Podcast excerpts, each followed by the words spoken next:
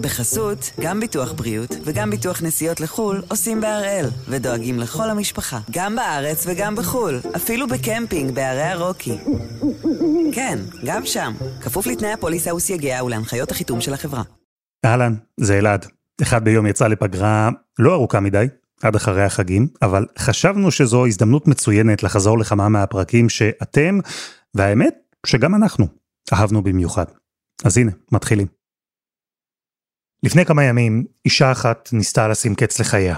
לצערנו היו יותר באופן טבעי, אבל אנחנו נדבר כאן לכמה רגעים על אותה אישה, האישה האחת הזו. נקרא לה סמך. סמך כתבה מכתב, היא הודיעה לבעלה בדמעות שנטלה מנת יתר של כדורים, 150 כדורים ליתר דיוק. היא ביקשה ממנו שישמור על הילדים. בשלב מאוחר יותר הבהילו אותה לבית החולים במצב אנוש, ושם היא עדיין מאושפזת עד היום. הסיבה שאנחנו מדברים כאן דווקא על סמך, היא לא ניסיון ההתאבדות שלה, אלא מה שקדם לו, מה שלטענת בעלה והמשפחה לפחות, הוביל אותה לנסות לשים קץ לחייה. כי סמך, יחד עם כמה נשים נוספות, הואשמה שהיא חלק מרשת ריגול איראנית שפעלה בישראל.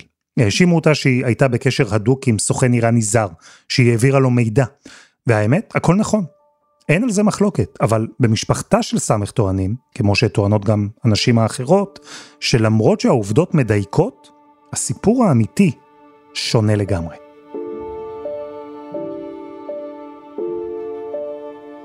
אז הפעם אנחנו עם אייל גונן, כתב תוכנית עובדה, ועם מבט מעט אחר על רשת הריגול האיראנית שנחשפה לפני שמונה חודשים בישראל.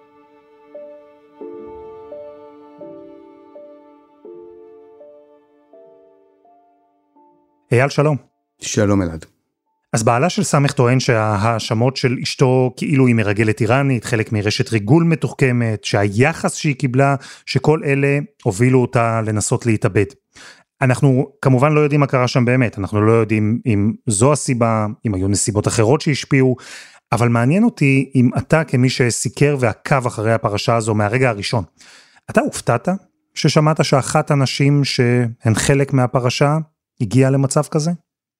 תראה, אה, זה לא משהו שנלקח בתסריט, אבל היה ברור שהאירוע הזה של המעצר של ארבע נשים שממש לא מהפרופיל של אה, בטח לא של מרגלות וגם לא של עצורות נשים שבחיים לא היו בתא מעצר אין להם שום עבר פלילי היה ברור שהאירוע הזה מצלק וספציפית לגבי אותה אישה היה ברור שהאירוע הזה צילק אותה היא נכנסה לאשפוזים אה, פסיכיאטרים אחרי המעצר זה משהו שלא נגמר, הוא לא נגמר ביום שהפרשה התפוצצה ברעש גדול, והוא לא נגמר ביום שהוגש אה, נגדה כתב אישום, זה משהו ש, שליווה אותה. זה שזה יגיע עד לכדי אה, ניסיון התאבדות, לא, לא הערכתי. אז בואו נתחיל מההתחלה, מהרגע שבו בכלל נולדה רשת הריגול הזו, כמו שהיא כונתה. תראה, זה בעצם סיפור שנפרס על פני שנים. הוא מתחיל כבר ב-2014, ובמרכז העלילה אדם בשם רמבוד נמדר, יהודי צעיר לכאורה, תושב טהרן, שמחפש קשרים חדשים דרך הפייסבוק שלו. והוא מתחיל בעצם לנסות לפנות לנשים שהן יוצאות איראן, שעלו לישראל וגרות כאן. הוא מנסה לפתח איתם קשרים. עכשיו, אלעד, חשוב להבין משהו מאוד מאוד בסיסי על הקהילה היהודית. הקהילה היהודית הפרסית היא בעצם קהילה מפוצלת, היא קהילה שהמציאות המטורפת בעצם חצתה לשניים. חלק אחד נמצא כאן בישראל, אלה אנשים שבעצם במהלך השנים הצליחו לברוח משלטון האייתולות ולעלות לארץ. אנשים ציונים, רובם מסורתיים או אפילו דתיים, הם אוהבים את הארץ ואת המדינה, אבל מתגעגעים נורא למקום שהשאירו מאחור. ומאחור בעצם נשאר החצי השני של הקהילה הזאת, יהודים איראנים שגרים בפרס תחת שלטון האייתולות, מנסים לשמור על הגחלת והם עושים את זה בפחד מאוד מאוד גדול, כשלטונות מן הסתם עוינים.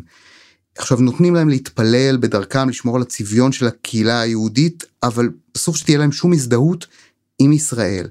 עכשיו כל הדבר הזה זה האקלים שבו פועל אותו רמבוד נמדר. אקלים שבו יש שני חלקים מפוצלים לקהילה היהודית שנורא נורא צמאים לקשר אחד עם השני. היהודים פה רוצים לדעת מה קורה שם בארץ שהשאירו מאחורה והיהודים שם רוצים לדעת איך נראים החיים פה ב- בישראל. ובשלב הזה אותו רמבוד עובד רק דרך הפייסבוק. הוא שולח הודעות ומקווה שכמה שיותר נשים יענו לו, ויש לא מעט נשים שעונות. היה פרופיל מסוים אגב לנשים שהוא פנה אליהן? כלומר, אני מבין שהוא התמקד בנשים, ספציפית נשים ישראליות ממוצא פרסי. מעבר לזה? תראה, הוא עשה פניות רבות, אנחנו לא יודעים בדיוק לכמה, אבל הוא פנה לעשרות אנשים, כן, כנראה נשים, ההתמקדות היה בהן. מדובר בנשים מבוגרות, חלקן סבתות לנכדים, כולן מה שנקרא בקלישאית מדוברת נשים קשות יום. שתיים מהן היו סייעות בבית ספר, שלישית עובדת ניקיון, הרביעית ספרית, ובתוך שגרת החיים האפורה והשוחקת שלהם כאן בארץ, השיחות עם רמבוד, הבחור הצעיר מהארץ שהם בעצם השאירו מאחור, השיחות האלה היו בעצם סוג של ריגוש. כי מה? מה אותו רמבוד סיפק להן בשיחות האלה? הוא מזהה כל אחת את החולשה שלה ובעצם עובד כמו נוכל רשת מצוי. קודם כל הכלל הראשון שלו זה בעצם לעבוד לאט, בלי תנועות חדות, יש לו זמן, יש לו שבועות, חודשים, אפילו שנים. הוא בונה איתם את הקשר, בונה אמון, ובעצם מרדים אותן, הן לא רואות מה הוא רוקם סביבן. והכלל השני, זה גם כלל שכל נוכל מקפיד עליו, לא לראות כמי שמבקש משהו. אם נוכל שרוצה להוציא כסף מנשים יודע שבהתחלה אסור לו לבקש מהם אפילו שקל אחד, אז אותו רמבוד יודע שכדי לקבל מידע, הוא צריך לתת מידע. והכל בצעדים נורא נורא קטנים. הוא מספר להם על החיים באיראן, על בית הכנסת שבו הוא מתפלל, בטהרן, בית הכנסת אברישמי, מקומות שכל מי שעלה לישראל מפרס מכיר וזוכר בגעגוע גדול. הוא מספר להם שהוא קבלן עמיד, שהוא בן למשפחה מבוססת, ושהאנשים האלה בעצם רואות שיש לו ולהן המון חברים משותפים, בני הקהילה היהודית בטהרן, זה מעורר אמון מאוד גדול מבחינתם. אז הוא הצליח להתיישב על איזה אה, רגש נוסטלגי שיש לאותן נשים כלפי איראן, פרס, הבית שהשאירו מאחור, המקום שגדלו עליו בסיפורים. והקהילה היהודית שם, אמרת, היא עדיין מחוברת בכל מיני דרכים לזו הישראלית. אבל מעניין אותי דווקא ברמה האישית, כי בסוף הנשים האלה ניהלו עם רמבוד מערכת יחסים, אמנם וירטואלית, התכתבויות, שיחות, אבל מה היה שם? לכל אחת הוא מתאים בעצם את חומר הפיתוי הספציפי שמתאים לה אישית. אה, עם אחת מהן הוא מזהה כנראה בדידות מאוד גדולה, והשיחות בינינו הופכות לאישיות מאוד. יש לנו, הגיעו אלינו, ליאיר רייזנברג שעבד איתי על הסיפור הזה ואליי, אה, הקלטות שבו שומעים את, ה, את האינטימיות הזאת שהוא מנסה ליצור, ושים לב, הוא מנסה ליצור אותה בעברית. שלום שלום, מה שלומך? בוקר טוב, בוקר אור, מה שלומך? עכשיו למילים האלה בעברית יש משמעות גדולה מאוד מבחינת אותה אישה ששומעת את הדברים האלה. כי היא אומרת לעצמה, בנאיביות גדולה, אבל אומרת לעצמה, רגע, הוא יודע עברית, בטוח שהוא בן הקהילה. זאת אומרת, זה משהו שמבחינתה מעורר אמון מאוד גדול ומשאיר את כל מנגנוני האזהרה שלה מחובים לגמרי. וככה הוא בונה את זה שלב אחרי שלב בעצם. בשלב הזה אותו רמבוד, אנחנו יודעים את זה כמובן בדיעבד, ניהל קשר דומה לפחות עם ארבע נשים, ישראליות. אחת מהן התראיינה אצלכם בעובדה, היא סיפרה את הצד שלה. ספר לי עליה, איך היא תיארה את כל מה שקרה? קוראים לה אפסנה, שזה אגדה בפרסית, ורמבוד את הלב שלה שווה באמת באמצעות סיפורים על הארץ שאותה היא עזבה בגיל 17, היא ברחה בגיל 17 יחד עם אימא שלה אה, מטהרן, השאירה אחים שם מאחורה. הוא לקח לי את הטלפון של הוואטסאפ שלי, פעם ראשונה הוא מתקשר אליי, וממש מדבר בעברית. מה שלומך? מה נשמע? איך את מרגישה? מה את עושה? אמרתי, יואו, איך אתה מדבר עברית טוב? איך אתה יודע? איך למדת? אז הוא אומר לי שיש לי שכן שמלמד אותי עברית. אמרתי, איזה יופי, כל הכבוד. אמרנו שהוא עובד לאט, אז הוא באמת בונה את הקשר שם לאט לאט ונותן לה עוד פריט מידע ועוד אחד על הקהילה היהודית ומספר, מעורר אצלה את, ה, את הגעגועים, עד שמגיע השלב שבו יש לו בקשה ספציפית. הוא שואל אותי אם יש מהמשפחה מישהו שעולה לישראל. אז אמרתי, כן, אחיינית שלי. הוא אומר לה ש... שיש פה בארץ מישהי, חברה של אה, אימא שלו, והיא נזקקת לכסף והוא רוצה להעביר לה כסף באמצעותה. הוא מנסה לשאול אם יש איזושהי קרובת משפחה שלה שמגיעה לארץ ואיתה אפשר להעביר את הכסף לאותה אישה שנמצאת פה בישראל. ואפסניה אומרת כן יש במקרה קרובת משפחה שמגיעה לארץ לביקור תעביר איתה את הכסף. עכשיו הדבר הזה גם כן מהצד לאוזניים ישראליות לא מיומנות נשמע מוזר. קודם כל צריך להבין יש traffic כזה traffic כזה של אה, אנשים שעוברים מטהרן ל, אה, לישראל הם עושים את זה דרך מדינה שלישית מן הסתם כי אין טיסות ישירות אבל ה traffic הזה ידוע וגם traffic של כסף כי אי אפשר דרך הבנקים באיראן להעביר כסף לישראל וכל הדבר הזה הוא מהצד יכול להיראות טיפה אפל מה פתאום מעבירים מזומנים למישהו ש, שאת לא מכירה אבל בתוך ההקשר הזה של הקהילה היהודית המפוצלת זה עושה היגיון מאוד גדול. אם אפשר לעזור למה לא? שלחתי הודעה שאני שלחתי את הכסף והכל בסדר. והיא פועלת כדי להעביר את הכסף אגב בלי שום תמורה הוא מנסה אה, לשכנע אותה לשדל אותה לקחת לעצמו כסף בשלב הזה היא לא היא לא לוקחת כלום. בפעם הבאה אה, הוא שואל אותה אם היא נוסעת לחוץ לארץ והיא אומרת לו כן אני נוסעת עם חברות לטורקיה והוא מבקש שוב להעביר לאותה אישה אה, בישראל סכום כסף. היא פוגשת איש קשר מטעמו באיסטנבול שמעביר לה כסף. היה איזשהו פחד? לא. לא. אישה הולכת לפגוש גבר זר? לא, הייתי ממש ברחוב אה, שמלא אנשים, וגם הייתי עם החברות שלי. אני וחברה שלי יצאנו וחיכינו לו בחוץ. הוא הגיע, הוא מביא איזה מעטפה, אלף דולר. שוב אלף דולר. שוב אלף דולר. ואחר כך אותו רמבוד אומר קחי מתוך הכסף הזה מתוך האלף דולר קחי כסף גם למתנה לבר מצווה. הוא שמע שיש לי בר מצווה. הוא אמר לך לקחת חלק למתנה. זה לבן שלך מתנה ממני. בבקשה, אני מתעקשת, תיקחי את זה. עכשיו אנחנו כבר מדברים על חודשים ארוכים שהם נמצאים בקשר והדבר הזה איכשהו נראה מאוד מאוד טבעי וזורם.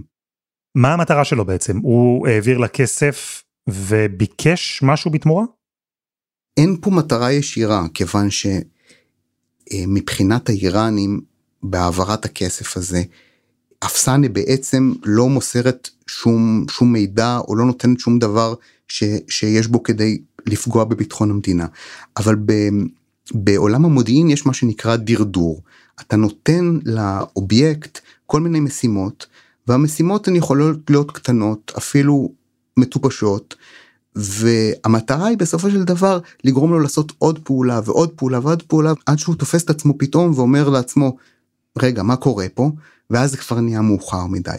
בסופו של דבר יש את השלב הזה שבו אמור לקרות אמורה לקרות הפריצה שבה האובייקט יידרש לעשות פעולה משמעותית אבל עד שנגיע לשם הדרך ארוכה והיא עוברת באין ספור בקשות שונות ומשונות ש, שרמבוד מבקש מהנשים שלו.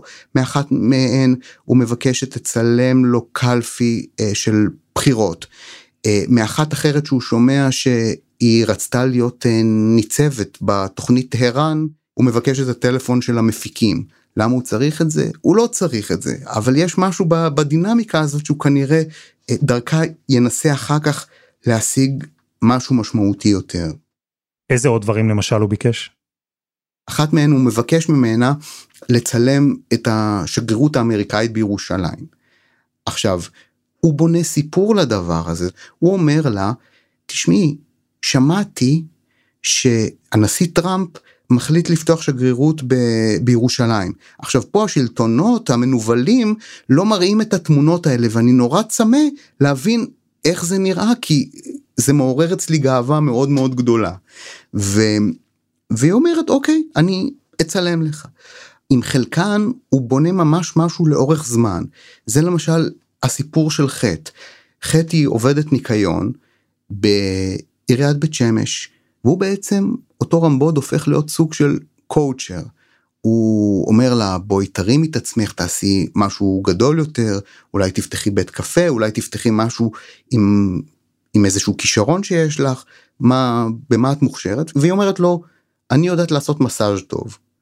אז הוא אומר וואלה בואי תפתחי עסק לעיסוי אני אעזור לך אני אעזור לך כי אני בא ממשפחה עשירה לא בכסף שאני נותן לך ישר אני משקיע בתוך העסק שלך. בואי תקני מחשב לצורך העסק, מצלמה כי העסק אה, צריך אה, לצלם אותו, תבני לך את העסק, תבני לך אה, קהל של לקוחות, והכי טוב תביא מישהו מישהי מוכרים. את מכירה מישהו מוכר ואז היא נזכרת שהיא מכירה את חברת הכנסת קטי שטרית איך היא מכירה את חברת הכנסת קטי שטרית קטי שטרית הייתה סגנית ראש עיריית בית שמש ואותה חטא הייתה עובדת ניקיון והוא אומר לה מעולה תביא אותה אלייך ותציעי לה לעשות מסאז' חינם אחר כך את תוכלי למנף את הדבר הזה להגיד שבקהל הלקוחות שלך נמצאת חברת הכנסת קטי שטרית. היא מבחינתה נראה לה הגיוני והיא מפצירה בחברת הכנסת קטי שטרית לבוא אליה למסאז' וקטי שטרית כמו שאומרת לנו רק בנס לא הגיעה לא, לאותה קליניקה אבל נשאלת השאלה אוקיי מה הוא רצה פה להשיג? אז בסופו של דבר יראו את קטי שטרית עושה מסאז' זה באמת לא לגמרי ברור אבל פה אתה כן רואה שהוא מתחיל לחבר דברים המחשב המצלמה הקליניקה הניסיון להגיע לחברת הכנסת. ושוב יש פה את ההבדל הזה בין העיניים האיראניות שמבחינתם כן נרקם פה משהו שהוא יכול אולי להיות בעל ערך מסוים ויש את העיניים הישראליות של, ה, של הקורבן של אותה חטא שלא רואה את, ה, את כל הנקודות האלה מתחברות לכדי איזשהו ציור מפליל. אבל היו סימני שאלה אצל הנשים האלה? אולי אה, לא התחבר כבר ציור מפליל כמו שאמרת אבל חשדות או ספקות היו? סימני שאלה צצים כן האם הם חשדו שמשהו משהו מוזר שם? כן. אני לא חושב שהם ידעו להגדיר לעצמם מה בדיוק מה בדיוק קורה פה. אחת עולה לה חשד ש... שאולי זו, זו הונאה כלכלית, מישהי אחרת חושבת ש... שאולי הוא מוסלמי ולא יהודי ומבחינתה מוסלמי זה רע אבל זה לא אומר בהכרח שהיא מזהה שהוא סוכן שלטון. ומדובר בנשים מאוד תמימות ומאוד פשוטות וההתנהלות שלהם בטח בדיעבד אתה אומר לעצמך וואלה יש פה התנהגות לא חדה במיוחד, על זה אני חושב שאין אין ויכוח. אבל האם הנשים האלה הבינו בדיוק לתוך מה הם נכנסו, זה, זה די ברור שלא. אני אתן לך דוגמה, אחת, אחת מה, מהנשים האלה מעבירה לרמבוד אה, צילום של חוגר של הבן שלה. השנייה אפילו נותנת לו לדבר עם הילד שלה בטלפון, כדי לשמוע את הפרסית שלו ואותו רמבוד מחמיא לפרסית של הבן ואומר אה, הוא יכול להתגייס למודיעין עם הפרסית הזאת הוא יכול להתגייס ל-8200 ומעודד אותה. עכשיו מהצד האיראני ברור שיש פה אה, מטרה אפשר לראות צעד קדימה או עשרה צעדים קדימה ווואלה אולי יתפתח פה איזה קשר שיוביל אחר כך למשהו. כמובן נאיבי לחשוב שעוד רגע יהיה לו סוכן בתוך 8200 כי מנגנוני הסינון ביחידה הזאת בהחלט אמורים לאתר משהו כזה. אבל ההיגיון האיראני אומר אוקיי זה מהלך שיכול להניב משהו. אבל בהיגיון של אותה אישה היא לא מעלה על הדעת שמדובר באויב הכי הכי נוראי שיכול להיות כי היא לא הייתה מכניסה את הבן שלה לתוך גובה האריות הזה.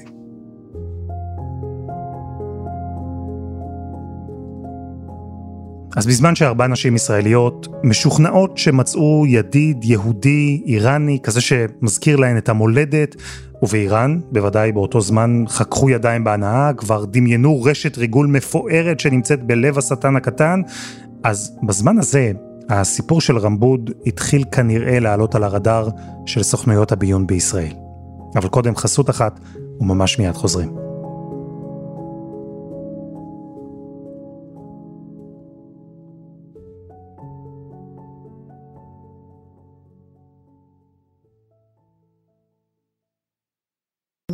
בחסות, גם ביטוח בריאות וגם ביטוח נסיעות לחו"ל עושים בהראל, ודואגים לכל המשפחה, גם בארץ וגם בחו"ל, אפילו בקמפינג בערי הרוקי. כן, גם שם, כפוף לתנאי הפוליסה וסייגיה ולהנחיות החיתום של החברה. אנחנו עם הסיפור מאחורי מה שהוגדרה כרשת ריגול איראנית שנחשפה בישראל לפני שמונה חודשים. אנחנו מדברים על הסיפור הזה בעקבות ניסיון ההתאבדות של אחת מארבע נשים שהואשמו שהיו חלק ברשת הזו. אייל גונן, כתב התוכנית עובדה, אנחנו דיברנו על הקשר שניהלו אנשים עם אותו רמבוד מאיראן, הוא ביקש כל מיני בקשות, לכאורה סתמיות, מטופשות. חלק מהאנשים חשדו שמשהו לא בסדר, לא שהוא מרגל, אלא שהוא מנסה אולי להונות אותן, חלק גם ניתקו ממנו את הקשר, מכל מיני סיבות. וככה זה נמשך, עד שחקירה שהתחילה בישראל באופן סמוי, הפכה ברגע אחד לגלויה. אנחנו יודעים שבנובמבר 2021 אה, דופקים בדלת אצל הנשים האלה. את זוכרת את הבוקר של 24 בנובמבר? רביעייה שחור, בשעה חמש וחצי בבוקר, אנחנו יושנים, פתאום בת שלי פותחת את הדלת ואומרת, אבא, משטרה בדלת. ישר קפצנו. מה המשטרה? פתאום 12-13 אנשים נכנסים, הייתי בהלם. כאילו, לא הבנתי.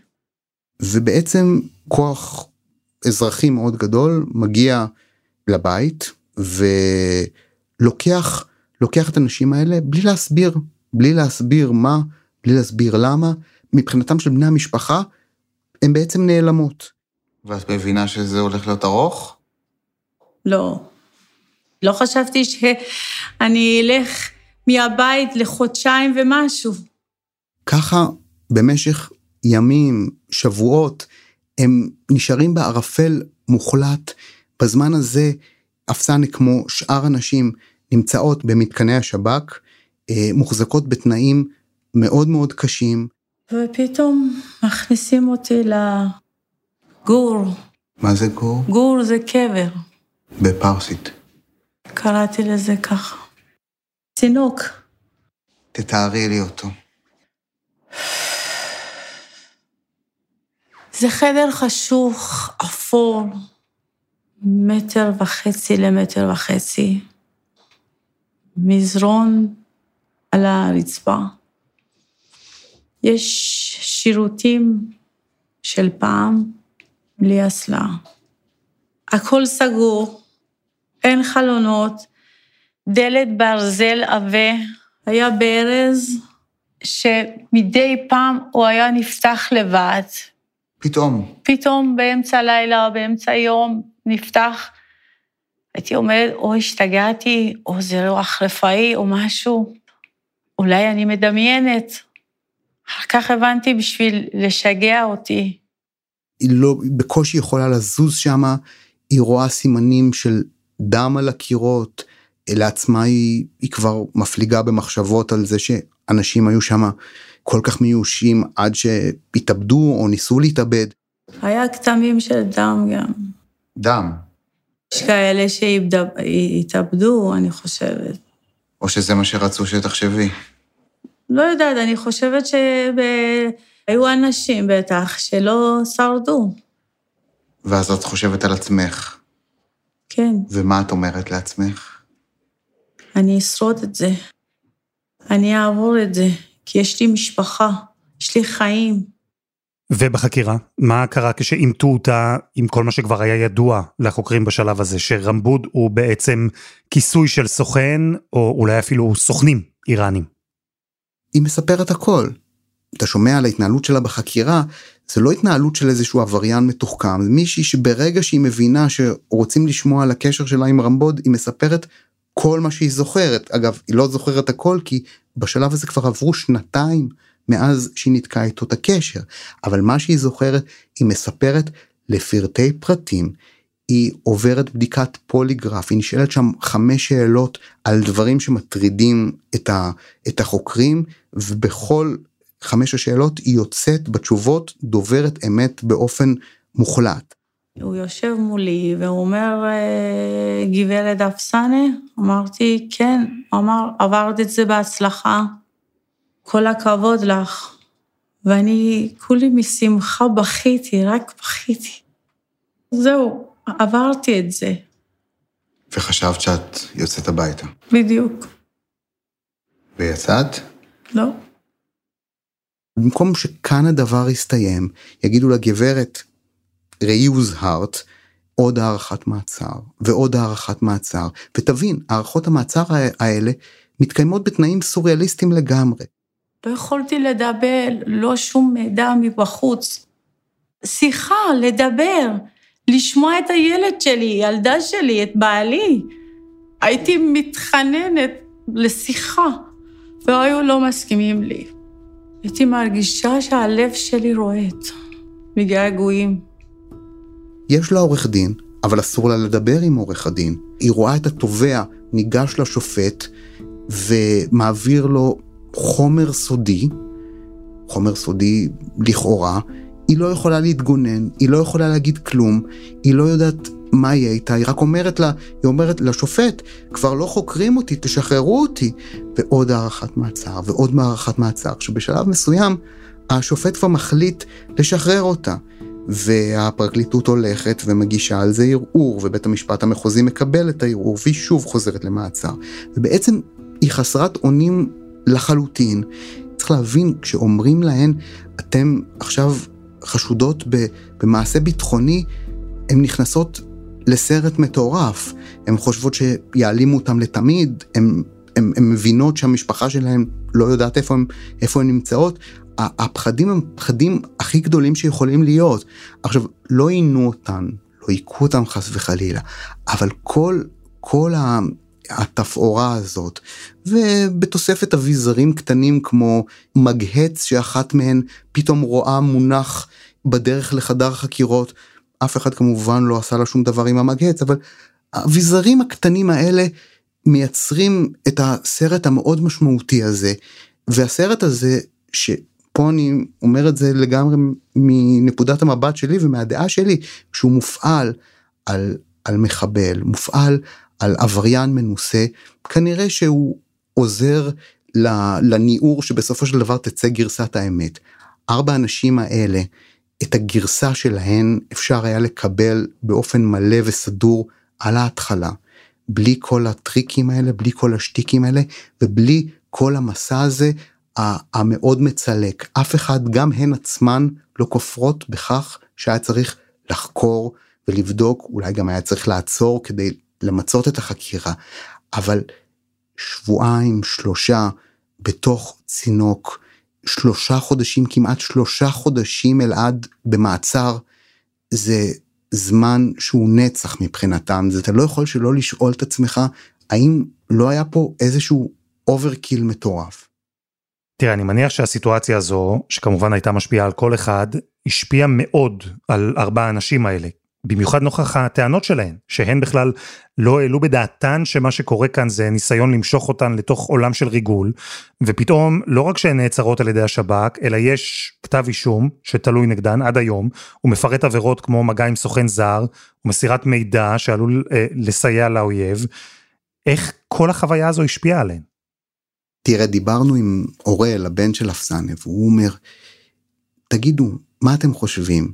שמבחינתה זה נגמר כששחררתם אותה הביתה אחרי שלושה חודשים, אתם לא יודעים איך בלילה היא מסתובבת והולכת מתוך שינה באותה משבצת שוב ושוב ושוב ושוב, כאילו היא עדיין בתוך התא, אתם לא יודעים איך היא צועקת מתוך שינה, אתם לא מבינים, מבחינתכם אתם סיימתם עם הדבר הזה, אבל היא עוד נושאת את הצלקות האלה.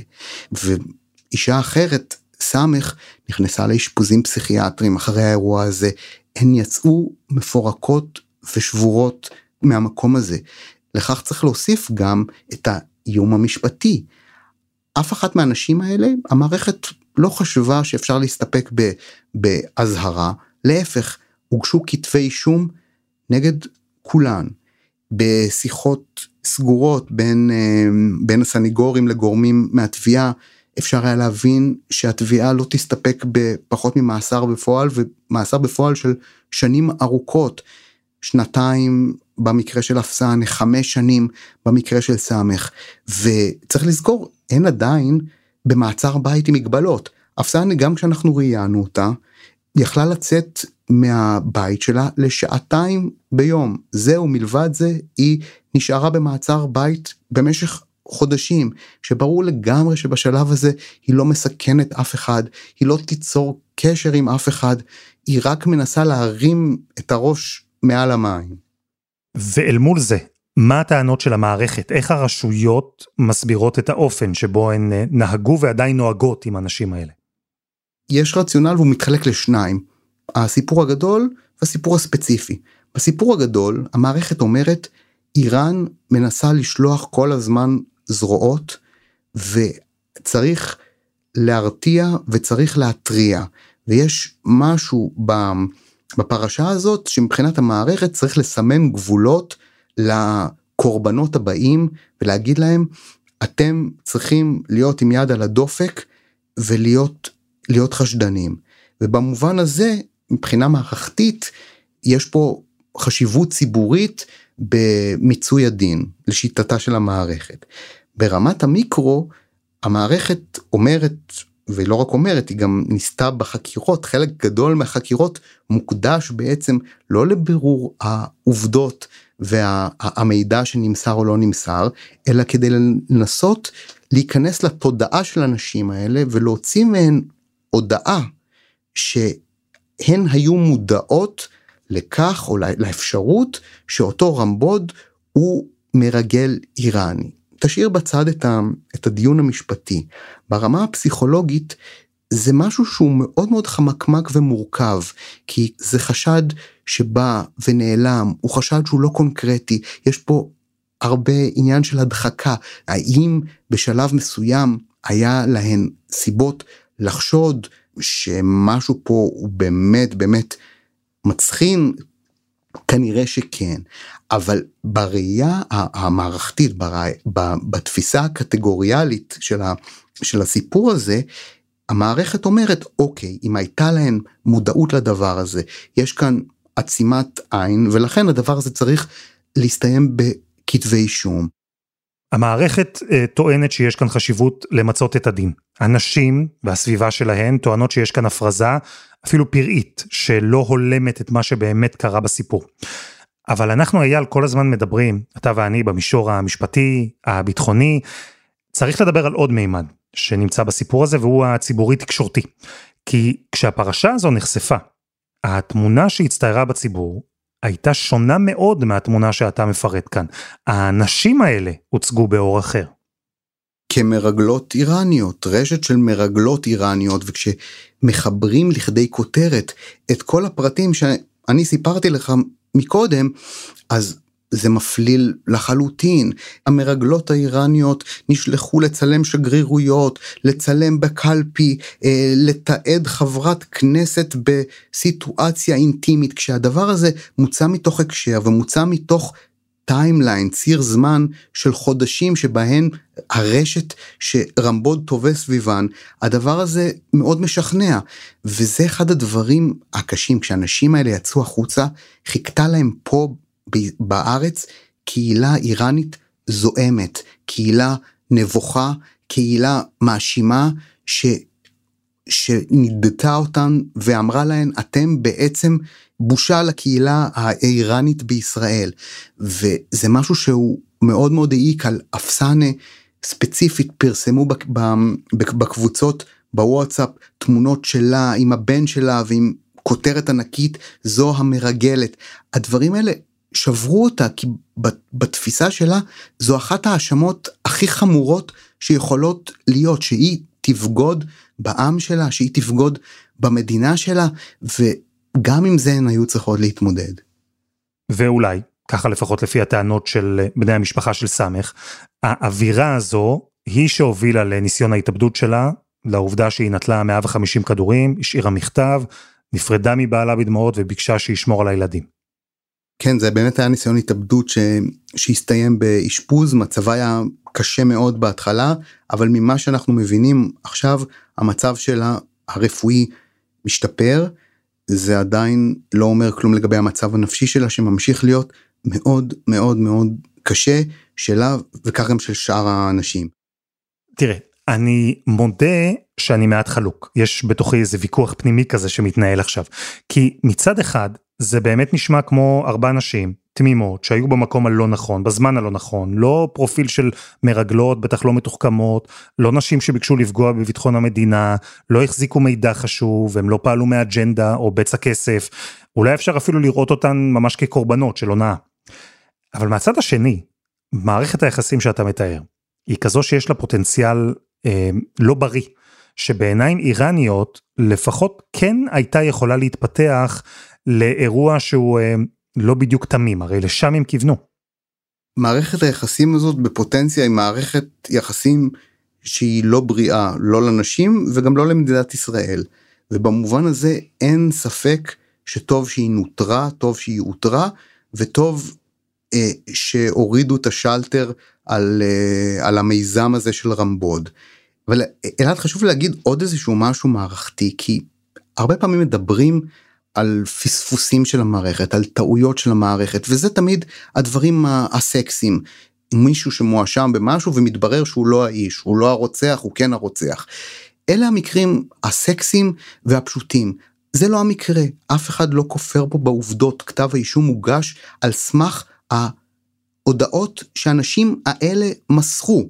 העניין הוא בפרשנות, והפרשנות שניתנה פה לדברים היא פרשנות מאוד מחמירה, מתוך מחשבה ראשונית שאומרת אוקיי, יש פה איזה רשת ריגול, נחצה פה איזה קו כי נשים באמת עשו פעולות ואנחנו רוצים לנטר את הדבר הזה ו- ו- ו- ולעקור אותו, אבל אף אחד בדרך לא נכנס לתוך, ה- לתוך הפרטים, לפסיכולוגיה של, של הקורבנות האלה ואומר אוקיי, אבל עכשיו אנחנו נשים את הדבר הזה בפרופורציה.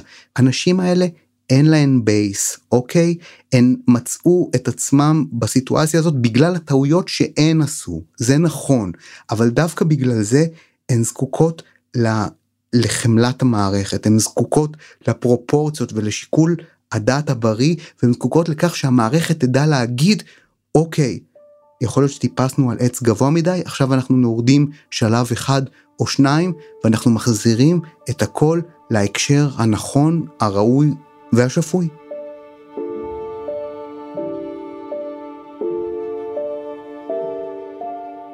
אייל גונן, תודה. תודה רבה.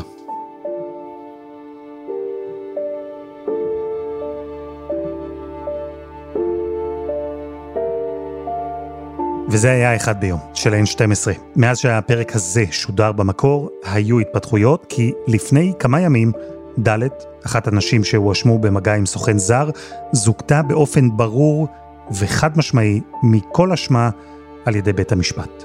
העורך שלנו רום אטיק, תחקיר והפקה רוני ארניב, דני נודלמן ועדי חצרוני, על הסאונד יאיר בשן שגם יצר את מוזיקת הפתיחה שלנו, ואני אלעד שמחיוף. אנחנו נמשיך לצעוד בשבילי הנוסטלגיה עם הפרקים האהובים, עד שנחזור עם פרקים חדשים של אחד ביום, אחרי החגים.